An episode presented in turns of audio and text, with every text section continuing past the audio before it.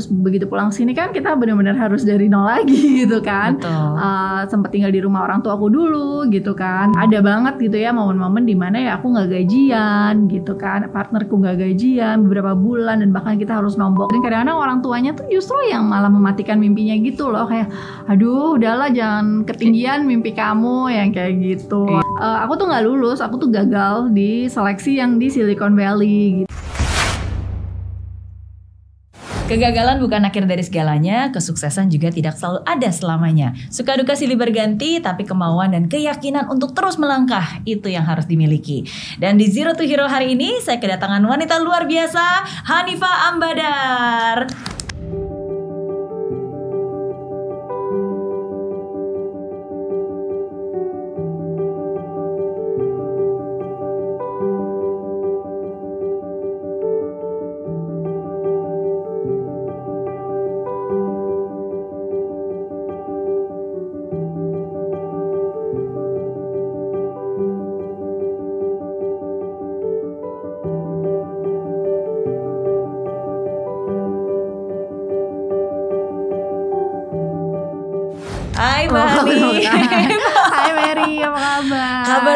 Baik, apa kabar? Aku kabar baik juga. Wow, udah lama loh kita gak ketemu. Asli, udah berapa tahun ya?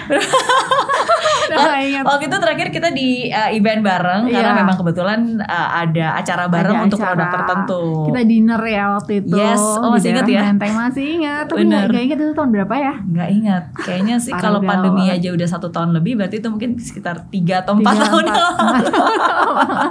Oke. Kamu gak berubah sama sekali. Mbak Hanifah juga dan tapi Mbak Hanifah ini aku ngeliat wah emang selalu uh, stylish ya Aduh. semua matching nih maskernya abu-abu uh, kardigannya abu-abu tasnya abu-abu sepatunya saya intip juga tadi abu-abu loh emang Gila ya. emang selalu begitu ya Ya enggak, maksudnya kayaknya tuh tahun terakhir kan kita sering di rumah kan. Terus Hmm. ketika kita mau pergi, kayak aduh seneng banget gitu ada kesempatan buat keluar rumah. Jadi di matching matchingin deh semua yang nggak pernah dipakai ini harus dipakai nih kayaknya daripada nanti lumutan kan. Oke, tapi eh, tapi itulah mungkin mungkin kalau buat perempuan ya Hmm. sometimes um, definitely um, apa ya uh, looks is matters Iya, ya bikin- walaupun it's not the important things ya Iya, tapi iya, iya, definitely when you look good you feel good Yes, it and when you feel good boost- you looks good as well. Yes, yes, yes. Kayak selama work from home ini kan di awal-awal kayak masih males-malesan gitu kan Hmm. Iya. ya pakai baju seadanya aja, baju rumah dan lain-lain. Tapi once I decided to put on proper um, clothes, terus Iya. makeup dan lain-lain itu emang beda banget sih moodnya. Jadi Betul. lebih semangat, jadi kayak lebih produktif dan lain-lain. Yes, yes, I totally agree. Dan sometimes as a woman, ketika kita make up, ketika Hmm. kita berpakaian rapi, itu is not for us actually, Yeah. is is a form of respect to Yeah, the people that we benar. want to meet kan. Hmm. Itu jadi salah satu bentuk bagaimana kita mengapresiasi orang yang kita mau ketemui, Benar. makanya kita berpenampilan rapi. Betul. Jadi Gitu. walaupun pakai masker tetap harus pakai lipstick. oh iya, ini juga benar ya, benar benar benar benar. Jadi di, di, di, di balik masker masker kita ada lipstick nih sebenarnya. Oke, yes. Tapi talking about female entrepreneur, uh, pasti selalu dekat dengan Mbak Hanifa. Uh, you are the owner and the founder of Female Dailies. yes. Yes. Uh, berawal dari sebuah blog sampai Hmm. akhirnya sekarang menjadi Female Dailies Hmm. uh, yang juga ber- beranak pinak ya. Lagi. Ceritain dulu dong, uh, bagaimana awalnya dari sebuah blog akhirnya bisa menjadi uh, sebuah startup Female Dailies. Oke, ini panjang banget nih ceritanya. Hmm. Secara mulainya juga udah lama banget kan sebenarnya. Jadi eh, sekarang Female Daily adalah Female Daily Network, an online beauty destination yang ada media, ada community platform, review and recommendation, ada juga kita punya beauty expo yang besar banget, Hmm. hampir se kayaknya tuh terbesar se ini sih Southeast Asia bisa Wow. dibilang gitu. Terakhir kita bikin event itu eh audiensnya sekitar 26.000 ribu gitu. Oke. Dan tahun lalu harusnya Di kita- Jakarta? di Jakarta, Oke. Jakarta X Beauty. Harusnya eh, tahun lalu nih kita bikin yang lebih besar lagi di JCC, tapi karena pandemi semuanya harus Berhenti dan stop dulu. stop dulu gitu. Oke. Terus uh, akhirnya kita juga punya e-commerce sekarang uh, di Female Daily bisa belanja beauty products Oh, curated uh, oke. by Female Daily editors.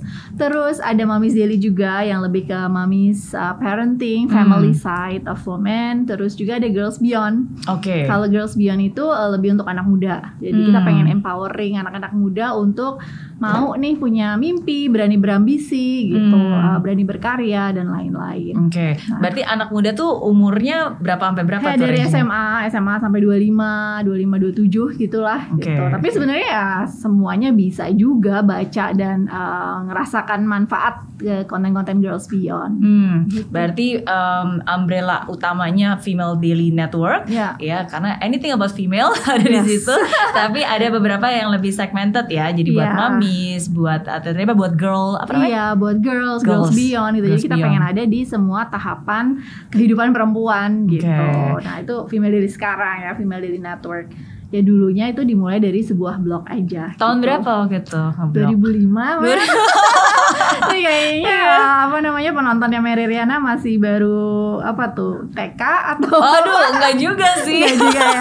Karena penontonnya Mary Riana ada yang seumuran kayak saya juga kayaknya Oke, ya. oke, Iya, beragam iya. banget ya. Betul. Mm-mm. 2005. Berarti waktu itu masih di Amerika. 2000, Iya, aku masih Oke. kuliah waktu itu kuliah S2 eh, di Amerika. Jadi biasa ya kalau perempuan kan eh, lagi di luar negeri teman-temannya di sini pasti nanyain kayak eh, abis belanja apa? Oh, apa sih iya. yang lucu? Cari tas ini dong yang kayak gitu-gitu. Terus ya zaman dulu Kosmetik lah, kosmetik, baju lah. Hmm. Iya, semuanya yang lagi tren tuh apa, yang lagi diskon apa. Nah, zaman dulu belum ada WhatsApp kan ya, Mer? Hmm, belum iya. ada Instagram gitu nggak bisa live shopping di Insta Story gitu terus aku pikir ya daripada aku emailin semuanya satu-satu mendingan aku bikin aja deh jadi sebuah blog gitu jadi Oke. sekali nulis beberapa teman aku tuh kok baca semua gitu Iya, iya. ya udah akhirnya bermula dari situ aku rajin nulis blog sharing tentang fashion tentang beauty gitu Oke. kebetulan aku juga waktu itu pernah kerja di retail company Mhm. jadi kayak punya insider gitu insider info Uh, terus uh, setelah dijalanin tuh uh, iseng-iseng ngeblog selama 2 tahun ternyata berkembang terus Hmm. jadi pembacanya makin lama makin banyak terus um, akhirnya aku juga melihat gitu ya kalau di Amerika dulu dunia perblogingan itu memang lama-lama udah bisa jadi profesional Hmm. gitu udah hampir disetarakan dengan media jadi kayak banyak blogger-blogger yang diundang ke event misalnya Oke. dikirimin barang diajak kerjasama gitu terus aku pikir kayak di Indonesia bakalan seperti itu juga nih Iya. gitu Uh, beberapa tahun ke depan jadi ini kayak bisa nih kalau diseriusin Hmm. gitu akhirnya aku percantik aku makeover gitu ya Hmm. kayak domainnya aku bikinnya lebih profesional tulisannya juga diperbarui kayak Hmm. foto-fotonya pakai kamera yang lebih canggih gitu Oke. pokoknya apa pun yang bisa aku improve aku improve gitu terus aku Layoutnya bikin dibikin lebih bagus lah. Oke. lebih sedikit lebih profesional Mhm. Terus akhirnya aku juga bikin forum. Jadi aku ngeliat nih banyak banget pembaca yang komen di setiap artikel. Kayak Hmm. mereka udah butuh wadah untuk mereka bisa lebih uh, ngobrol lebih panjang Hmm. lagi gitu. Akhirnya aku bikin forumnya. Nah setelah ada forumnya itu emang berkembang banget cepat gitu. Oke, akhirnya oke. akhirnya hmm, ada sebuah digital agency yang tertarik buat mengiklankan kliennya di situ gitu. Iya. Padahal aku masih di sana dan ini kan sesuatu yang dijalanin secara ini aja ya, secara senggang waktu ya. senggang gitu ya sebagai hobi tapi ternyata Iya, udah. Bisa menghasilkan berarti pas aku kalau aku pulang nanti bisa nih aku Oke. seriusin Berarti waktu itu bikinnya kan di pas lagi memang di Amerika ya, Ha-ha. tapi blognya itu uh, writingnya in Indonesian bahasa Indonesia Nah, atau campur-campur sih Campur-campur. campur-campur aja gitu sekeluarnya. Kalau dibaca nih sekarang ya agak Hmm. malu juga sih, ampun nulisnya berantakan banget Emang gitu. masih ya. ada masih bisa kelihatan masih, masih ada kontennya Oh. dari 2005 di bulan Februari aku ingat banget pertama Oke. kali nulis gitu. Wow. Oke oke. Tapi berarti forumnya tapi mostly yang visit ke sana memang orang Indonesia. Orang Indonesia ya kan berawal dari teman-temanku kan mereka betul. cerita ke teman kantor dan lain-lain ya udah akhirnya Hmm. menyebar. Oke, gitu. terus berarti yang uh, digital agency yang tertarik untuk mengiklankan itu Nah. dari Indonesia. dari Indonesia. Oh, oke, Heeh, wow. jadi- karena yang ngelihat audiensnya yang ada di situ kan uh, orang-orang Indonesia dan perempuan gitu kan. Hmm, Jadi hmm. itu targeted banget lah gitu zaman dulu. Abis mm, nggak ada tempat lain juga kan buat Benar. mereka beriklan secara digital kan. benar gitu. benar dan belum ada forum-forum yang seperti itu yang specially Belum. specifically target for Iya. women untuk mereka bisa uh, cerita untuk tanya rekomendasi untuk Iya. bisa komen di situ. Iya, Oke. jadi ya pas aku pulang di 2008 ya udah aku nggak cari-cari kerja kantoran gitu memang memutuskan untuk membesarkan Female Daily. Mhm. sekarang deh Sampai hari ini. sampai Oke. hari ini tapi kan um, kamu maksudnya Mbak Hanif di Hmm. Amerika kan udah 10 tahunan ya berarti Iya, kan? waktu itu 10 tahun 10 tahun. Terus ketika pertama kali balik ke Indonesia um, was was the biggest difference yang apa adjustment yang harus yang paling sulit pada saat itu? Adjustmentnya ya pertama aku nggak kenal siapa-siapa Mhm. ya kan maksudnya dulu tuh temen cuma eh, ya teman dari TK SD SMP kan juga nggak terlalu keep in touch ya karena aku pindah-pindah terus Hmm. juga ya zaman dulu mau keep in touch gimana gitu kan Kan belum ada, Ada nomor WhatsApp, telepon belum ada ini. rumah. Betul, betul. kayak gitu terus eh, SMA jadi pas pas aku balik sini ya bisa dibilang eh, networknya tuh nggak kuat sama sekali lah gitu Hmm. aku nggak kenal banyak orang gitu kan terus juga eh, jadi aku benar-benar harus memulai itu dari nol gitu. Apalagi female daily pada saat itu kan digital sesuatu yang baru ya. Itu Iya. agak susah sih sebenarnya buat meyakinkan brand untuk beriklan misalnya di female daily. Kayak Hmm. Eh, pas kita kasih rate card misalnya eh, harganya segini buat pasang banner gitu. Terus mereka kayak hah emang mesti bayar ya gitu. Kan kayak nggak ada produksinya gitu ya. Beda Iya. sama majalah yang memang ada ongkos printing dan lain-lain gitu. Kalau ini kan nggak ada. Emang nggak bisa dibarter produk aja yang kayak gitu-gitu. Jadi di Hmm. awal tuh perjuangan untuk meyakinkan kliennya lumayan sih Iya, gitu iya, karena mereka belum bisa melihat value Iya. sebesar yang sekarang dibuat Iya. dan diberikan oleh apa platform-platform digital. Iya benar. Hmm. Terus juga waktu itu kan aku kan sama suamiku, terus anak aku udah dua gitu ya waktu itu. Pas Hmm. di Amerika kan kita lumayan hidup enak lah ya, living the American dream gitu. Eh, ada rumah gitu, terus ada mobil, eh, kerjaan suamiku juga secure dan Iya. lain-lain gitu. Eh, terus begitu pulang sini kan kita benar-benar harus dari nol lagi gitu kan. Betul. Uh, sempat tinggal di rumah orang tua aku dulu gitu kan Hmm. terus uh, apa namanya ya dulu kan pas balik juga nggak langsung ada mobil Hmm. gitu gitulah pokoknya dan anakku tuh kayak mami kita di sini ini ya kita di sini jadi susah ya gitu terus ya Karena anak-anak kan juga udah terbiasa di sana. Anak-anak Iya. lahir di sana. dia lahir di sana juga gitu jadi uh, di situ aku bertekad ya ya memang di Jakarta tuh keras ya gitu untuk hidup enak tuh memang butuh kerja keras gitu Hmm. jadi ya dari situ juga terus kan baru nyadar ya sekolah tuh ternyata mahal banget gitu di sini apalagi sekolah yang dimauin gitu Iya. jadi ya udah eh, di situ langsung bertekad ya memang harus ini maksudnya memang mau fokus membesar female daily dan memang harus bisa eh, besar gitu ya harus bisa maju terus gitu Hmm, memastikan bahwa keputusan untuk balik ke Indonesia adalah keputusan yang benar Yes, dan tepat benar. bukan hanya untuk diri sendiri tapi juga untuk keluarga, anak, Benar. suami dan the bigger uh, Iya. visions ya. Setuju, setuju. Oke. Karena aku juga ngelihatnya kayak kan kadang-kadang kita suka bingung ya apakah kita mem- membuat keputusan yang benar atau enggak Iya. gitu. Jadi kalau buat aku ya you have to make that decision and make that right gitu Hmm. kan. Jadi kayak apa pun caranya lo harus bikin kalau keputusan itu adalah keputusan yang benar gitu kan. We will make tergantung- sure that the decision is right Iya. is the right decisions ya. Benar, itu kan tergantung apa yang kita lakukan setelah mengambil keputusan itu kan. Betul, Jadi, betul. Iya, itu setuju sih. Itu mungkin satu hal yang yang yang saya juga sangat setuju banget ya. Hmm. Because sometimes um, ya sama lah untuk bisa berpindah negara. Hmm. Walaupun Mbak Hanif lebih jauh sebenarnya dari Amerika Barat ke. Kalau saya kan dari Singapura ke sini Hmm. paling cuma satu setengah dua Hmm. jam. Tapi it's still a decision. And Iya. sometimes a lot of people mereka berpikir is this a right decisions or iya, not? kan udah gitu. enak gitu ya di bener, sana. bener dan mereka questioning kan, is it the right decisions or not? Ya menurut saya sih ya nggak perlu dipertanyakan, tapi Mm. dipastikan aja, Benar. make sure that it is the right decision. Okay, if it's not right yet, ya make it right gitu. Apa pun so that caranya. so that there's no regret apa pun caranya. Iya, iya, iya.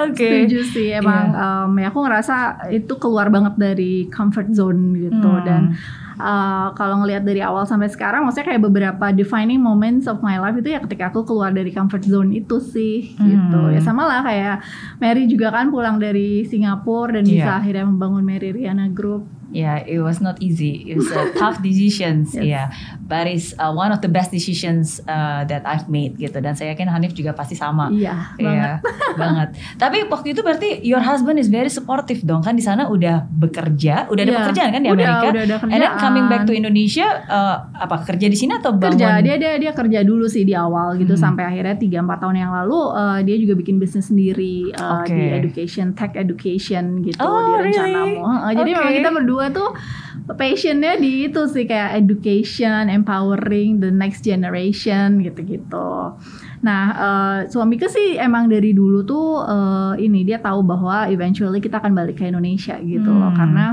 uh, ya keluarga juga semuanya di sini gitu kan terus uh, setelah kita jalanin ya ternyata kehidupan di sana tuh lumayan monoton sih di Amerika iya hmm. monoton banget gitu kayak ya udah pergi ke kantor uh, dengan maksudnya stabil banget lah gitu kerjaannya terus ya udah pulang predictable. terus predictable banget gitu semuanya dan yeah. nih jadi waktu itu suamiku kayak bikin timeline dan dia kan waktu itu mau sekolah S2 juga jadi hmm. setelah dia sekolah S2 S2-nya selesai kita akan balik gitu ke Indonesia. Jadi ya udah begitu dia selesai bulan Mei, Agustusnya kita pulang ke Indonesia. Hmm, gitu. Oke. Okay. Berarti balik ke Indonesia tahun 2008. 2008. Ya. 2008 Agustus. sampai hari ini. Yes. Oke. Okay. Um, dalam proses membangun female dailies itu pasti banyak ups and down, khususnya di awal. I'm hmm. very sure. Hmm. Uh, ada nggak momen di mana waktu itu um, Mbak Hanif merasa kayak almost giving up atau kayaknya aduh ini I know I have to make it right but it's why is it so difficult gitu and almost give up itu uh, apa Kayaknya kalau almost give up tuh nggak ada ya, hmm. uh, tapi memang masa-masa susah yang lebih challenging tuh pastinya ada. Cuma kenapa nggak pernah give up ya? Karena ini adalah sesuatu dari awal tuh aku udah tahu bahwa ini tuh long term gitu hmm. gitu loh. Kayak finish line-nya tuh ya emang masih belum kelihatan gitu dan nggak tahu apa. Yang penting hmm kita selalu berkembang gitu. Jadi nggak pernah ngerasa udah mentok udah nih nggak bisa ngapa-ngapain lagi gitu. Karena pasti ada sesuatu yang bisa kita lakukan untuk ngelewatin challenge itu. Dan kayak di setiap challenge kita tuh pasti sebenarnya kita udah dipersiapkan gak sih dari challenge sebelumnya hmm. yang memang kecil-kecil makin lama memang makin besar. Tapi ya kitanya sendiri juga udah makin pinter gitu ya makin hmm. uh, tough dan lain-lain gitu. Jadi aku sendiri kayak nggak takut nggak terlalu tak maksudnya nggak terlalu fokus di challenge-nya hmm. itu sendiri tapi ya lebih fokus ke nyari solusinya sih gitu hmm kalau di awal apa ya karena kita tuh media bisnis ya media bisnis model hmm. gitu kan cash flow-nya lumayan berat Okay. gitu. Jadi misalnya kita ada campaign dengan satu brand, oke okay, campaignnya buat 6 bulan nih gitu. Oh, yeah. Kan kita nggak langsung dibayar kan, sementara kita harus ngeluarin uang uh, apa segala macam. Nanti setelah enam bulan itu selesai, baru kita bisa bikin kirim invoice hmm. gitu, kirim invoice dan invoice-nya baru dibayar Uh, walaupun TOP-nya 30 hari tapi kan kadang-kadang ada 3 bulan ya gitu. Iya iya betul betul. Terus uh, udah gitu kita juga harus bayar pajaknya dan lain-lain gitu. Jadi cash secara cash flow tuh berat gitu. Mm-hmm. Ada banget gitu ya momen-momen di mana ya aku nggak gajian gitu kan, partnerku nggak gajian beberapa bulan dan bahkan kita harus nombokin tuh ada ada mm-hmm. banget gitu.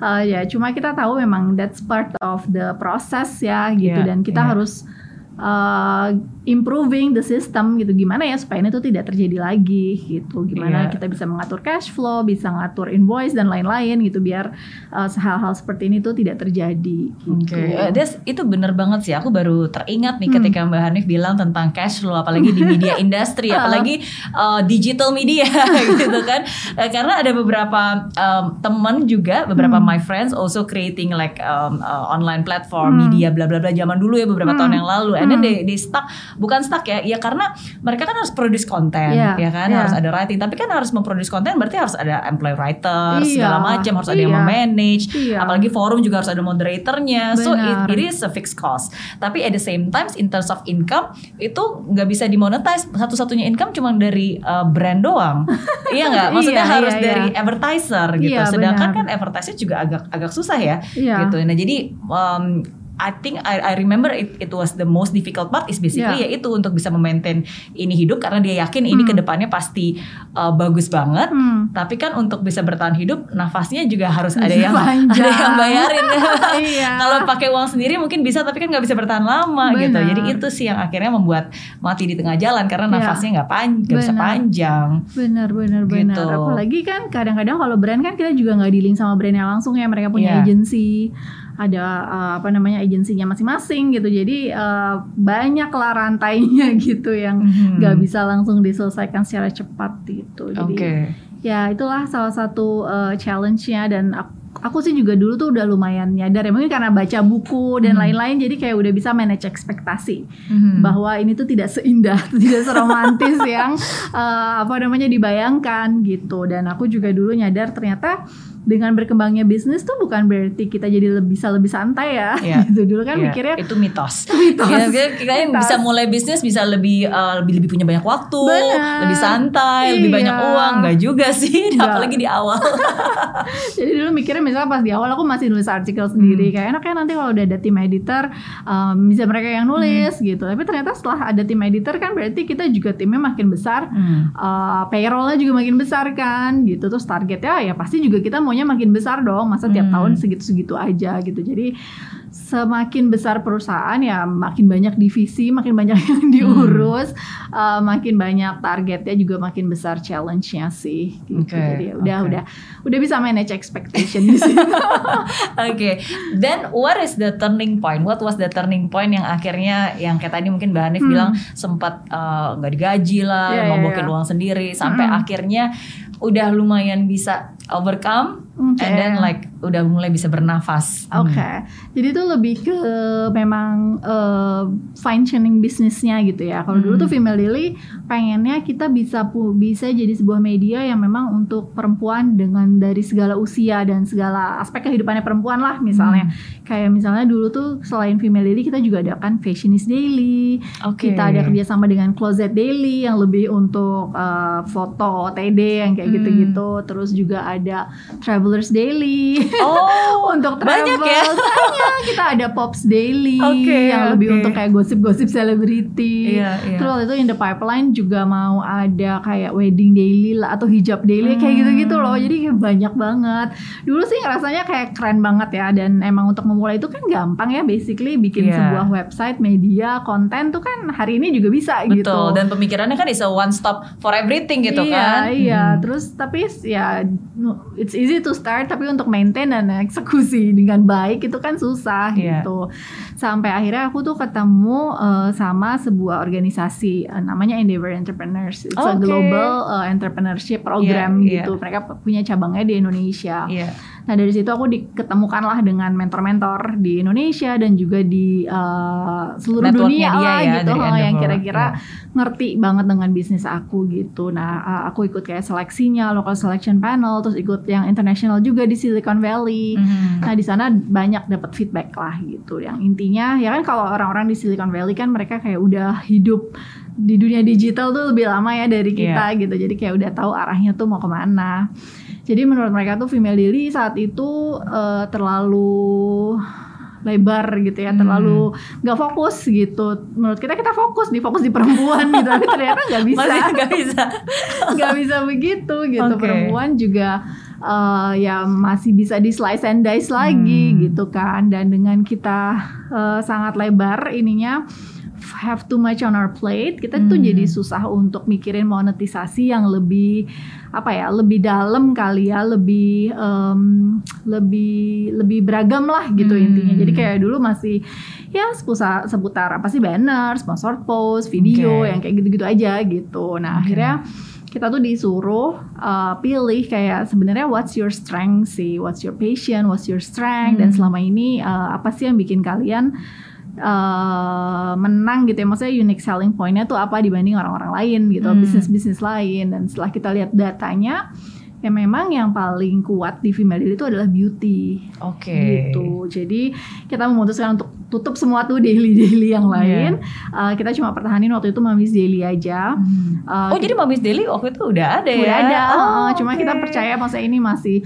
sangat-sangat berpotensi Iya, iya, lah iya. gitu jadi Oke. uh, kita keep tuh Mamis Daily Mhm. nah akhirnya kita cuma keep satu si female daily dan uh, fokusnya di beauty, Beauty. kalau dulu tuh masih ada beauty dan masih ada sedikit tentang fashion tentang lifestyle lah gitu Hmm. tapi kita cuma mau fokus di beauty karena the- dilihat dari datanya beauty tuh has so much conversation gitu Hmm. kan kalau misalnya kita perlu beli serum atau apa apa sih kita kan Google dulu Iya, kan ya betul. cari dulu gitu tuh harganya mahal dan it's something you put on your skin jadi takut kan nanti bermasalah dan lain-lain sedangkan kalau kayak baju kan ya udah kita ke mall Hmm. kita lihat satu toko yang lucu ya dicobain harganya pas ya udah oke bel- eh, Iya. apa namanya beli gitu kita nggak Google true. blazer apa apa apa gitu Betul. kan Uh, dan fashion changes so much every two weeks pasti ada koleksi baru sedangkan beauty tuh uh, developmentnya kan lama jadi kalau Hmm. kita cari suatu produk dari puluhan tahun yang lalu juga masih ada gitu sampai sekarang Iya.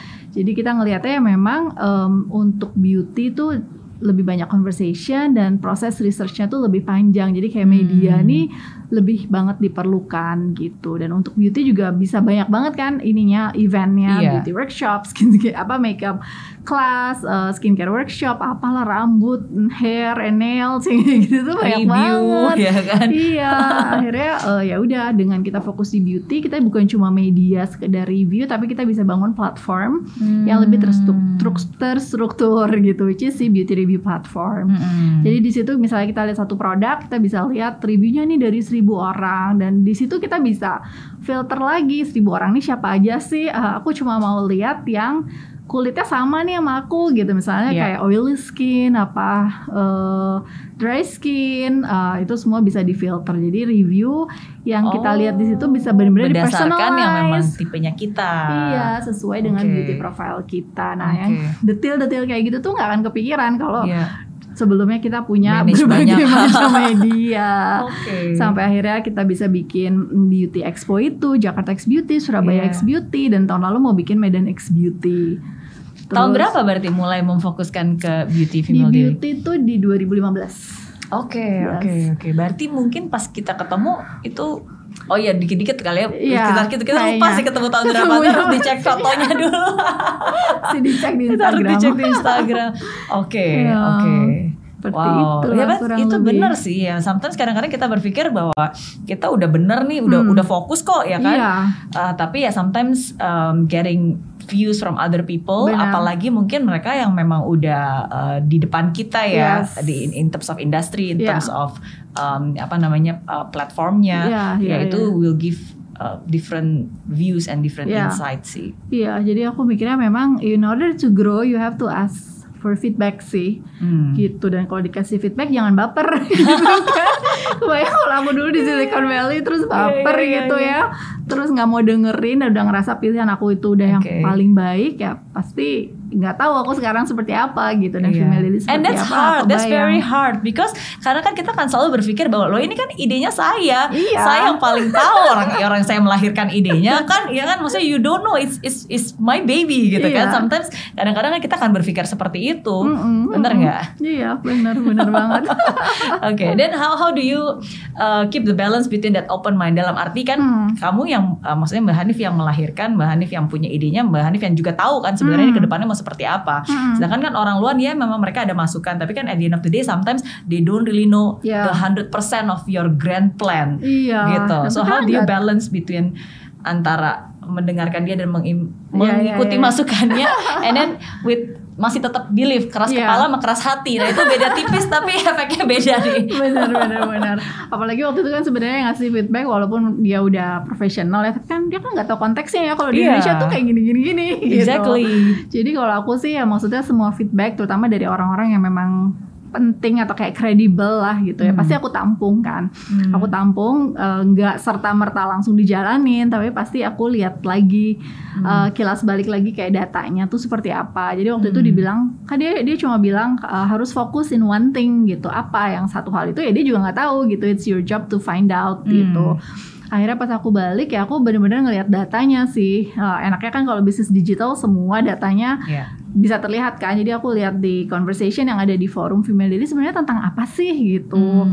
Eh, ternyata memang yang paling banyak tuh tentang beauty terus aku lihat lagi kalau dari klien-kliennya female daily kebanyakan kliennya dari industri apa ternyata dari Hmm. industri beauty gitu terus kita lihat kayak keyword yang masuk ke female daily itu eh, apa aja sih keywordnya ternyata memang Hmm. seputar beauty gitu yang paling Oke. banyak dan kita kan dulu sering bikin event ya event apa pun gitu ya dari fashion ya, olahraga sampai ya beauty juga gitu dan kita Iya. juga baru nyadar ternyata kalau kita bikin beauty event itu pasti kayak nggak sampai sejam udah sold out sold out gitu jadi kayak iya ya kayak ke mana Iya. aja selama ini kita nggak mikir Kok nggak sadar ya? Oh, nggak Aduh, udah di depan sadar mata. gitu akhirnya ya udah karena memang sudah divalidasi juga dengan data gitu Hmm. dan setelah ngelihat ya memang aku lebih uh, passionate di beauty lah masa daripada di fashion gitu kan karena ya memang kayak impactnya juga buat orang tuh lebih ini aja sih lebih Hmm. dalam aja gitu ya kalau beauty lebih bisa kepake gitu akhirnya ya udah kita putuskan untuk uh, pindah haluan gitu Hmm. bener-bener fokus di beauty jadi aku gitu aja sih kalau memang dapat feedback ya ditampung dulu dilihat lagi look into myself look into data tanya-tanya teman dekat dan lain-lain gitu kalau ternyata memang feedbacknya valid dan itu bagus buat aku lakukan Why ya not? udah why not Oke, berarti harus rajin. harus rajin karena bukan cuma dengerin doang, tapi kita harus juga rajin untuk memvalidate, Yes. untuk mau cari tahu Yeah. gitu kan, Me- dan dan ya itu memvalidasi lah, Benar. bikin uh, apa fokus grup kah atau nggak nanya ke orang ke, nanya Yeah. ke customer ke gitu. Mm. Nah intinya find evidence to support that uh, Yeah. that idea gitu. Dan Yeah. kalau memang udah ada datanya udah udah tervalidate ya udah gitu, just just give it a shot, test and measure. Iya. Tapi aku lihat emang Mbak Hanif ini memang orangnya suka belajar ya, termasuk juga suka baca buku loh. Hebat bisa regularly recently memang baca buku secara regular setiap hari, setiap minggu. Ya, jadi memang dari dulu dari kecil tuh senang baca ya. Mhm. Cuma memang ya kadang-kadang kan gitu ya life gets in the way gitu. Ini kayak buku udah lama gak selesai-selesai gitu. Iya. Lama-lama akhirnya seperti itu tuh kayak kalau baca kalau lagi di pesawat aja Ya, gitu kan. Betul.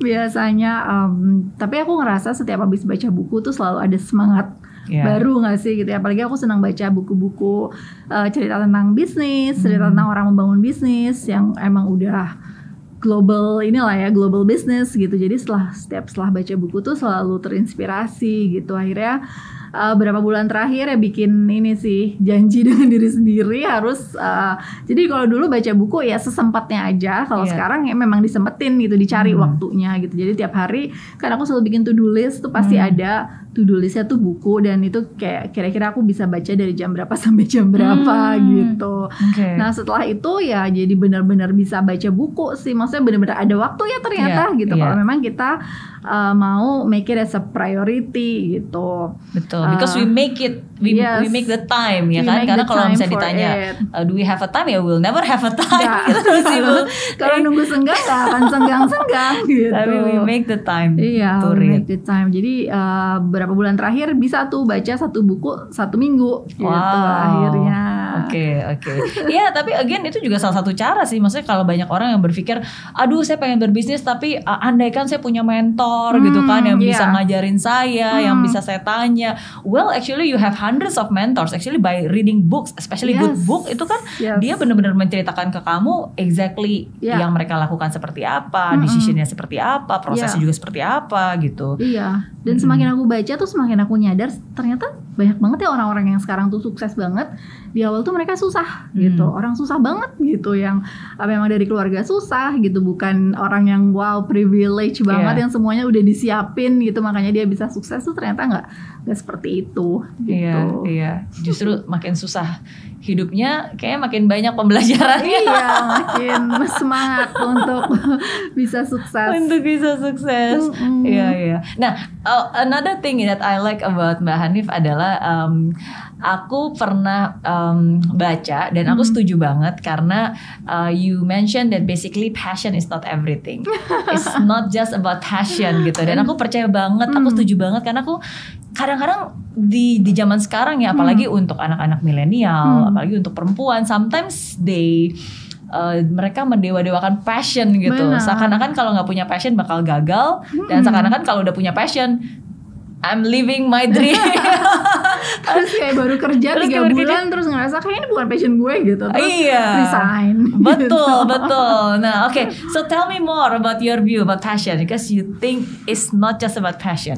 Hmm. Iya, it's not about passion. Jadi gimana ya? Menurut aku kan kadang-kadang orang emang udah ada yang dari lahir gitu ya dia tahu passionnya apa dan misalnya memang ada yang ternyata dari kecil tuh dia suka masak gitu, Hmm. akhirnya dia jadi chef atau uh, yang bidang olahraga tertentu atau apu- apa pun itu gitu. Hmm. Cuma kan banyak dari kita yang dari kecil tuh nggak punya hobi ya, Iya. nggak tahu hobinya apa gitu, interestnya ke mana tuh nggak tahu gitu, dan kayak nggak tahu juga mau mencarinya tuh ke mana sih gitu Hmm. kan dan kalau kebanyakan orang tuh mikir passion tuh bisa dikategorikan dengan ya itu tadi kayak hobi gitu ya Hmm. passion passion tuh ya fotografi olahraga travel dan lain-lain gitu ya ternyata tapi menurut aku passion tuh lebih abstrak sih Hmm. sebenarnya gitu dan itu bisa berganti juga seiring Hmm. kita uh, punya lebih banyak pengalaman seiring bertambahnya umur dan. Dan lain-lain priorities in life Iya, juga beda, ya kan? changes Hmm. jadi kalau dulu aku pas mulai female daily kan aku memang senang nulis kan jadi aku ngerasa oh kayak passion aku menulis nih atau passion aku di beauty gitu Hmm. tapi ternyata setelah aku jalanin eh, perusahaan itu berkembang aku tuh ngelihat sebenarnya passion aku tuh maksudnya aku udah nggak nulis lagi gitu dan Hmm. aku nggak apa-apa gitu berarti kan sebenarnya dulu juga nggak suka-suka amat kali ya sama menulis gitu Iya. terus em, setelah dijalanin ternyata aku lebih yang ngerasa passionnya aku tuh lebih kayak aku seneng ngeliat orang tuh berkembang gitu Hmm. kayak misalnya tim di kantor yang tadinya dia masih fresh graduate atau bahkan ada yang dari kuliah eh, internship dulu di Hmm. Female Daily terus ngeliat dia eh, bisa dia dia kerja Hmm. terus eh, kerjanya bagus gitu terus kayak wah ngeliat dia yang tadinya nggak berani presentasi terus jadi berani presentasi yang kayak gitu gitulah Yeah. ngeliat dia berkembang tuh aku seneng banget gitu kayak bisa jadi part of their Their journey, journey, gitu betul. jadi kayak ngerasa sebenarnya aku lebih passionate di situ sih gitu Hmm. makanya akhirnya di Female Daily juga kita bikin Girls Beyond gitu Hmm. kalau sebelumnya kan sebenarnya in a way we were empowering women juga gitu tapi we started with beauty Mhm. gitu kan karena yang tadi Mary bilang gitu kan di awal dengan beauty tuh eh, apa namanya ya bikin kita jadi lebih pede Yeah, gitu yeah. kan when we look good we Betul. feel good dan banyak yang akhirnya itu translate ke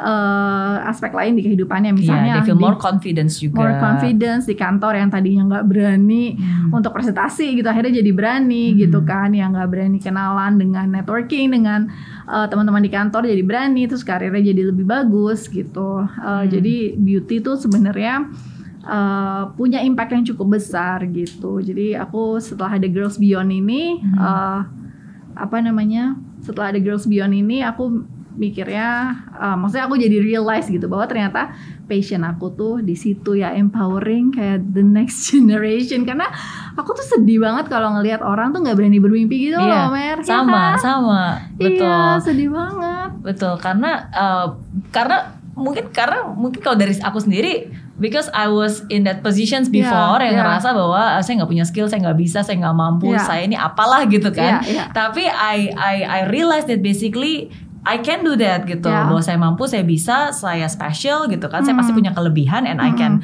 really make a difference in my own life gitu Iya. and and others people's life too dan ternyata itu bisa gitu makanya Iya. saya selalu uh, sedih banget apalagi kalau anak-anak remaja yang mereka belum apa udah give up juga Benar, benar. udah Dan- merasa nggak bisa Iya dan kadang-kadang itu tuh jadi uh, dari orang tuanya juga gitu. Iya. Aku ngel- ngelihat kayak misalnya setelah punya anak nih, setelah punya anak dan ngelihat uh, apa namanya anak-anak sering lihat anak-anak Hmm, kecil hmm. tuh kan ya namanya anak-anak ya kadang-kadang cita-cita mereka mau jadi apa gitu kan Uh, suka ada yang Iya. mau jadi presiden lah mau jadi uh, apa namanya football player yang kayak Hmm. gitu-gitu dan kadang-kadang orang tuanya tuh justru yang malah mematikan mimpinya gitu loh kayak aduh udahlah jangan ketinggian mimpi kamu yang kayak gitu Iya, atau atau uh, jangan aneh-aneh lah gitu iya, kan yang kayak gitu atau kadang-kadang orang tuanya tuh juga udah ah anak gue sih kuliah di ini aja gitu Iya. maksudnya sebuah universitas yang ya mungkin buat kondisi dia sekarang itu cukup gitu Iya. ya. Tapi kan sebenarnya anaknya juga masih kuliahnya masih berapa belas tahun lagi gitu kan. Harusnya itu sesuatu yang bisa diusahakan dia eh, bisa Betul. sekolah di tempat yang lebih bagus lagi gitu. Jadi kayak dat apa ya udah melihat limitasi gitu nggak sih Iya. eh, di ininya masing-masing? Iya iya. Itu sedih banget sih. Betul betul. Makanya um, ya I mean kayaknya kalau ngobrol sama Mbak Hanif sih banyak banget kemiripannya. Iya kan? Iya kan karena ya again actually one of my uh, my my apa ya uh, my message yang selalu aku Hmm. bilang adalah ya be your best self and live your best life. Jadi itu sih yang mungkin menjadi uh, salah satu apa ya uh, bukan bukan passion ya maksudnya Hmm. purpose yang Yeah. selalu aku bawa in every kind of business pokoknya uh, bagaimana saya bisa membantu skills gap ini gini Benar. be your best self Ya. Oke, and live your best life gitu. You can really live your best life. Tapi ya kamu Ya. harus tahu dulu kan maunya Mm-mm. seperti apa. Kamu juga harus tahu dulu kamunya ini sebenarnya kelebihannya apa Benar. gitu. bener bener bener Iya.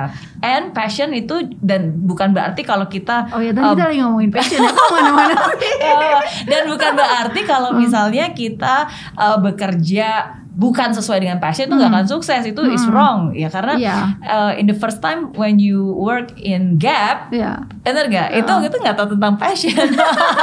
I had to make money gitu Iya. kan to survive gitu. Iya, jadi kayak ya don't think about passion, just do everything passionately, iya nggak sih? Betul. Eh, apa namanya? Karena kita nggak tahu kadang-kadang itu akan mengantarkan kita ke suatu hal yang ya jadi kita bikin sadar oh ternyata ini passion gue tuh ini ya Ya. gitu. Yang sebelumnya kita sama sekali nggak kepikiran gitu. Kayak misalnya eh apa ya? Misalnya kadang orang ngerasa ah gue tuh passionnya apa ya kok yang kepikiran masak lagi masak lagi. Misalnya masak gitu ya travel Padahal travel tra- travel ya apa ya? Misalnya kalau tadi masak, gitu Masak, ya. iya. kayak kita mikirnya kita senang masak tapi sebenarnya mungkin kita passionnya tuh di entertaining gitu entertaining Hmm. people dengan kita masak kita senang orang nyobain dan lain-lain Iya, iya. gitu karena itu kan sebenarnya nggak harus masak juga gitu nanti bisa bikin uh, restoran sendiri Exactly. mungkin gitu Yeah. atau bikin apalah yang lain yang intinya tuh entertaining gitu bukan di masaknya Betul, mungkin banyak orang lebih terkotak-kotakan bahwa Yes. passion dan dikotak-kotakan dengan pekerjaan ya. Iya. Maksudnya, oh saya suka masak berarti kalau gitu saya jadi koki. Padahal enggak Iya, juga. padahal enggak. Bisa jadi koki, ya bisa sebenarnya kamu punya restorannya as a Iya. business ownernya, ya Iya, kan. Bisa, juga kamu investing investingnya juga. company gitu. Jadi jangan menyempitkan ini ya potensi Jangan gitu. menyempitkan potensi, Mm-mm. ya. Dan em, jangan hanya mau melakukan yang kita suka doang ya. Benar. Karena kalau kita hanya mau melakukan yang kita suka, itu bukan passion namanya, itu manja. Iya kan? Benar ya Uh-uh. kan kita akan lebih baik kalau kita ya melakukan hal-hal baru dan terus mengasah ya, kemampuan diri kan. Mhm, yeah, and then you can be successful because it's not just about passion, tapi because you study hard, you work hard, Ya. uh, because of your network juga, uh, because you um, apa ya hustle, Hustle ya persistency. persistency, gitu. Oke, so passion is important, but it's not everything. Ya, um, I mean kalau belum kayak ngerasa belum tahu passionnya apa, it's okay, just do Hmm. whatever in front of you, do it with passion. Gitu. Hmm, Oke. Nah, dan sekarang ada yang ada in front of you right now is actually project baru nih yang aku baru Iya, tahu. project Mbak pandemi. Apa nih project pandemi? Hmm. Oke, jadi uh, aku mau launching buku. Mm-mm. Um, it's not really a book sih, tapi lebih kayak hybrid ya between book dan juga journal Mm. gitu. Ini baru diumumin di sini nih yang di luar Yeay. Apa judul judul bukunya? Judul bukunya? Judulnya It Starts With You. It Starts With You, oke. Iya, um, karena aku ngerasa semuanya tuh mulai dari harus mulai dari diri, diri kita sendiri gak sih, Mhm. gitu. Kita nggak bisa ngarepin orang-orang di sekitar kita, orang tua atau teman-teman dekat atau motivasi dari Iya. apalah semua eh, motivasi yang ada di sosial media betul. misalnya memang itu kayak bikin semangat ya beberapa detik gitu Iya. tapi setelah itu kita lupa lagi kalau kita sendiri nggak punya that burning desire gitu ya untuk bisa maju gitu jadi ya everything starts with you menurut aku dan di situ eh, di buku itu aku cerita tentang adalah beberapa perjalanan female Lily tapi nggak maksudnya ini bukan lengkap cerita Hmm. tentang aku gitu tapi lebih ke framework kali ya Mer ya Hmm. Eh, framework gimana em, gimana menurut aku tuh akan kalau kita gimana ya ngejelasin jadi intinya kadang-kadang tuh kan eh, orang kalau punya mimpi suka ngerasa mimpinya tuh masih abstrak dan Yes. nggak tahu gimana merealisasikannya gitu Betul. jadi aku ajak mereka untuk nge-breakdown semuanya gitu dari mimpi eh, bisa dikerucutin lagi nih, Yeah. didetilin lagi menjadi sebuah visi gitu kan, Yes. visi hidup gitu. Nah, setelah visi itu bisa di-breakdown lagi sebenarnya untuk jadi smaller goals gitu Hmm. kan. Smaller goals apa aja sih yang harus kita eh, lakukan gitu Yeah. untuk mencapai ke mimpi itu gitu. Jadi em, kayak di aku bantu untuk bikinin kayak mind mapnya Iya. gitu loh apa aja yang harus dilakukan terus kapan deadline-nya kapan gitu Oke. terus di situ juga ada di breakdown ya into Yes. smaller uh, actionable steps. actionable steps benar terus karena karena kalau terlalu besar kan it's overwhelming gitu Iya. padahal harusnya ada sesuatu hal kecil yang bisa kita lakukan hari ini untuk bisa mencapai ke mimpi itu Mhm. Terus di situ juga aku cerita tentang eh, biasalah beberapa kegagalan gitu kan, How I overcame it gitu. Terus juga ada beberapa activity kayak template-template yang eh, Hmm. memang eh, harus dilakukan gitu. Ada quote-quote menarik yang kayak gitu. Jadi ya it's a hybrid antara eh, cerita dan juga template gitu. Hmm. Harapannya ketika mereka punya mimpi berani uh, untuk mewujudkan itu mereka nggak clueless lagi nih Yeah. gitu karena ada buku itu yang bisa memberikan guidelines Oke, ke so depannya it's a guided journal. guided uh, journal book lah. Oke, just now you mentioned about your failures kan. Hmm, hmm. Um, tell me more, one, just one kegagalan Failures. terbesar atau mungkin yang pernah Mbak Hanif alamin. Failures ya. Saya kayaknya orangnya apa go getter banget Go nih, getter. kayak kayak nggak pernah gagal gitu. banyak lah kegagalan, banyak cuma memang belum ada yang jangan sampai ada gitu Iya, ya yang amit-amit. bikin sampai give up gitu. Kalau dari awal bisnis ya failure itu tuh dulu banyak juga hal-hal kayak misalnya ada tim yang resign Hmm. gitu. Itu dulu aku anggapnya itu failure gitu kan karena kenapa ya gitu apa yang salah ya di gue gitu kenapa dia resign gitu. Eh, aku kayaknya jadi atasannya kayaknya kurang ini deh kurang Hmm. oke ya gitu kurang bisa membimbing, membimbing dia dan lain-lain gitu Hmm. jadi itu tuh juga merupakan kegagalan gitu buat aku di zaman dulu gitu tapi kalau sekarang sih ngelihatnya ya so normal ya sebenarnya people come and go Yes. gitu kan Eh, karena mungkin memang ada opportunity yang lebih baik juga buat mereka gitu dan aku juga udah bisa belajar bahwa ya ternyata sama tim di kantor tuh eh, eh, hubungan kita tuh dekat gitu jadi Hmm. kalau dia juga dapat opportunity lebih baik aku juga happy gitu buat mereka Hmm. gitu tuh Yeah. salah and, satu some- contoh and sometimes also is a is a good for both parties ya. Maksudnya Iya. it's good for them to get a better opportunity Iya. and it's also is a good for us to get a, maybe perhaps a better replacement Benar, who benar, actually more benar. suitable for the job gitu Iya, kan. karena ya different at the different stage of the company, sometimes we need different people exactly juga gitu, kan. with different skill sets juga kan. Benar, benar. Itu maksudnya itu salah satu contoh kegagalan ya. Terus kegagalan yang lainnya tuh ya banyak sih ya. Misalnya kayak misalnya kayak eh, gagal pitching gitu project besar gitu kan. Itu sedih banget gitu. Terus juga gagal em, jadi gimana ya kayak misalnya kemarin tahun lalu kan kita juga udah banyak banget nih plannya ya kan mau ya Jakarta X Beauty, Surabaya, Medan dan lain-lain tapi ya ternyata nggak bisa gitu kan kan in a way ya gagal dong ya Iya. gitu tapi ya dilihat lagi ya bahwa ini kegagalannya adalah sesuatu yang eksternal yang di luar kontrol kita gitu kan Hmm. jadi nggak bisa terlalu eh, down juga kan Hmm. atau semua orang juga mengalami masa kesusahan itu kan Hmm. eh, selama pandemi ini gitu terus apa lagi ya kegagalan-kegagalan lainnya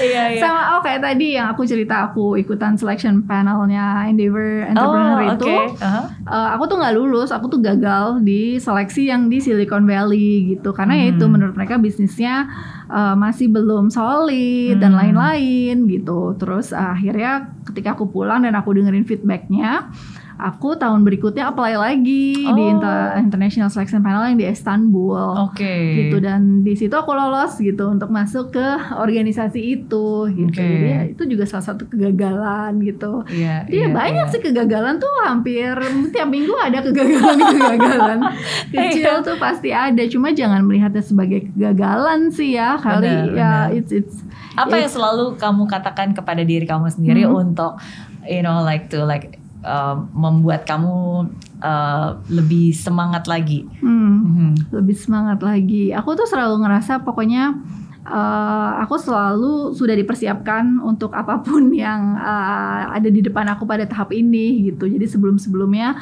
pasti udah mentalnya udah lebih Iya. diperkuat gitu kan fisiknya udah lebih eh, endurance-nya udah lebih terbukti lah gitu jadi pasti aku juga bisa melewati yang ini gitu Hmm, Oke. Oke, all is well. Setiap masalah kalau kita dihadapkan dengan masalah itu berarti Tuhan juga udah menyiapkan kita dengan solusinya ya. Iya, iya dan Oh. biasanya memang setiap ada masa-masa berat ya setelahnya Iya. tuh selalu sesuatu yang ini ya kayak the moment you're about to give up kan biasanya tuh the moment yang eh apa sih kes, bukan sukses ya tapi in- intinya kayak Uh, keberhasilan turning point lah ya, Iya, atau mungkin maksudnya um, uh, a break breakthrough go to the next level ujian Iya. terakhir lah. benar Hmm, benar benar benar Betul, jadi betul. ya jangan jangan give up Yes. Itu yang aku selalu aku kalau aku nyebutnya the darkest moment. the darkest Iya, moment karena ya, saat-saat benar. tergelap di hari itulah saat sebelum matahari terbit. benar gitu. Jadi yes. when you are in your darkest moment right now, um, don't worry, embrace it Yeah. because uh, soon the sun will rise up gitu. Ya, jadi semangat. Yeay. Oke. Nah, um, terakhir nih, berarti wah, berarti kalau dari Mbak Hani sendiri udah banyak banget di buku juga, ya Iya. kan? Terus uh, female dailies juga sekarang udah jadi mam, ada mama Ada Mami dailies. Daily, ada Girls Beyond Ada juga, Girls Beyond ada juga. e-commerce-nya. Gitu. Terus nanti setelah pandemi berakhir nih pasti wow udah banyak beauty-beauty. Semoga ya. Amin amin. Oke. Semoga. Berarti uh, tips atau mungkin pesan dari Mbak Hanif buat uh, semuanya khususnya para female um, yang pengen bisa empowered atau Hmm. be their best self gitu. Apa mungkin pesan dari Mbak Hanif untuk mereka yang juga pengen menjadi girl girls boss ya seperti Mbak Hanifah. Pertama seperti judul buku aku ya, It Iya. starts with you Hmm. gitu. It starts with you. Jadi um, jangan menunggu dorongan dari luar, dari Hmm. apa pun itu, semua harus dari dalam diri sendiri. Terus yang kedua menurut aku hidup itu memang harus diperjuangkan untuk Hmm. menjadi lebih baik gitu kan. Jangan jangan uh, dengan apa yang kita Hmm. punya sekarang. Uh, harus harus mau gitu uh, untuk mengusahakannya menjadi jauh lebih baik lagi. Hmm, oke. It starts with you. It starts with you dan um, kalau kitanya sendiri udah empowered then we can empower others gitu dan Hmm. uh, ketika semuanya udah berdaya um, the whole country benefits gitu jadi memang bukan buat kita aja tapi juga buat uh, banyak orang Hmm, oke. Amin, amin. Amin. Thank you sekali lagi buat Thank Mbak you for Hanifa yang udah me. sharing banyak hal. Seneng loh bisa ketemu lagi. I'm I'm I'm seriously happy. happy to be here too Iya ya, happy to talk to you again. Sukses terus buat bukunya juga. Terima Ah, kasih. Dan buat semuanya kalau pengen ngikutin kesehariannya Mbak Hanifah, wah ini harus sering follow-follow Instagramnya nih. Karena ada banyak banget uh, insight-insight yang sangat menarik, pemikiran-pemikirannya dari Mbak Hanifah juga di sana. Apa Instagramnya Mbak Hanifah? Hanski H A N Z K Y Y Oke, Yut- ada channel YouTube nggak? Ada cuma jarang diupdate Oh, oke. Tapi ke Instagram aja lebih update Instagram ya. boleh. Oke, thank you sekali lagi. Sukses terus dan semoga apa yang dibagikan hari ini bisa bermanfaat bagi kalian semua. Seperti yang saya selalu bilang, setiap orang punya cerita dan setiap cerita selalu membawa pelajaran berharga. Semoga cerita dari Mbak Hanifah hari ini bisa membawa pembelajaran berharga buat kalian semua yang sedang menontonnya. Oke, tetap semangat apa pun yang terjadi. Fight till the end and never give up. Bye.